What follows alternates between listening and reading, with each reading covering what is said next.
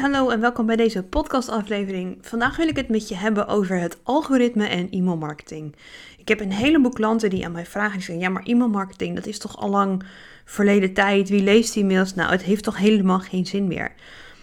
Dat is dus niet waar. E-mailmarketing is tegenwoordig de manier om alsnog contact te houden met je klanten. Ik weet niet of jullie het gemerkt hebben, maar vorige week afgelopen week uh, lag Instagram eruit. En ik zag bij een heleboel mensen ineens de volgersaantallen met honderden of tientallen tegelijk naar beneden gaan.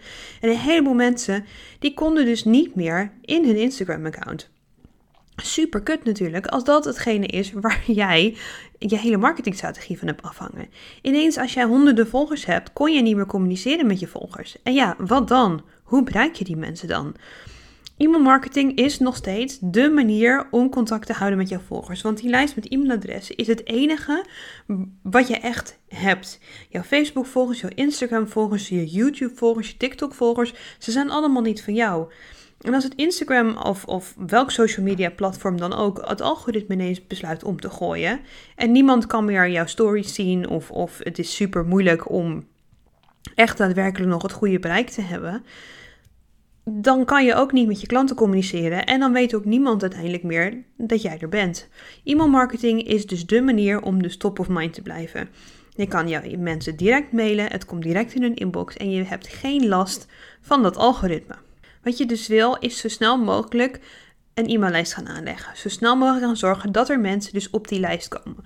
Want het wordt steeds moeilijker gemaakt om daadwerkelijk op een organische manier nog contact te hebben met mensen. Het Instagram-algoritme verandert dagelijks. Dan is het weer video's, dan is het weer reels, dan is het weer stories. Elke keer is het, is het iets anders. En je moet daarin blijven innoveren en daarin blijven meegaan om te zorgen dat je ook echt daadwerkelijk jouw mensen kan bereiken.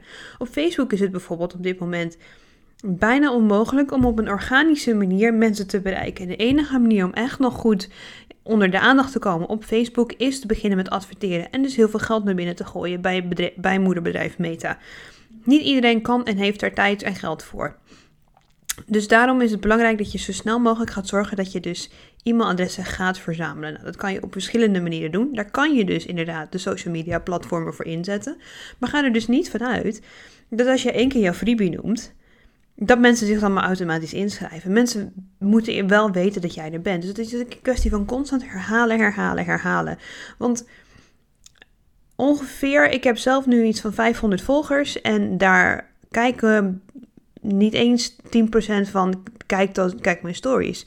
Dus ik moet steeds blijven herhalen, herhalen dat ik een freebie heb, dat, er, dat ik mensen kan helpen. Want een heleboel mensen die zien mijn stories niet. Iedereen, niet iedereen kijkt stories, niet iedereen ziet de reels.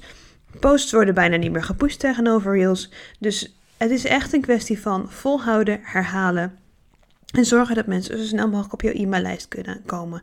Dat kan je ook doen door te adverteren. Maar zorg dat je zo snel mogelijk mensen op je e-maillijst krijgt, zodat je daar echt mensen contact met ze kan opnemen wanneer jij het wil en niet wanneer het algoritme denkt dat dat best wel een goed moment is om iets te pushen.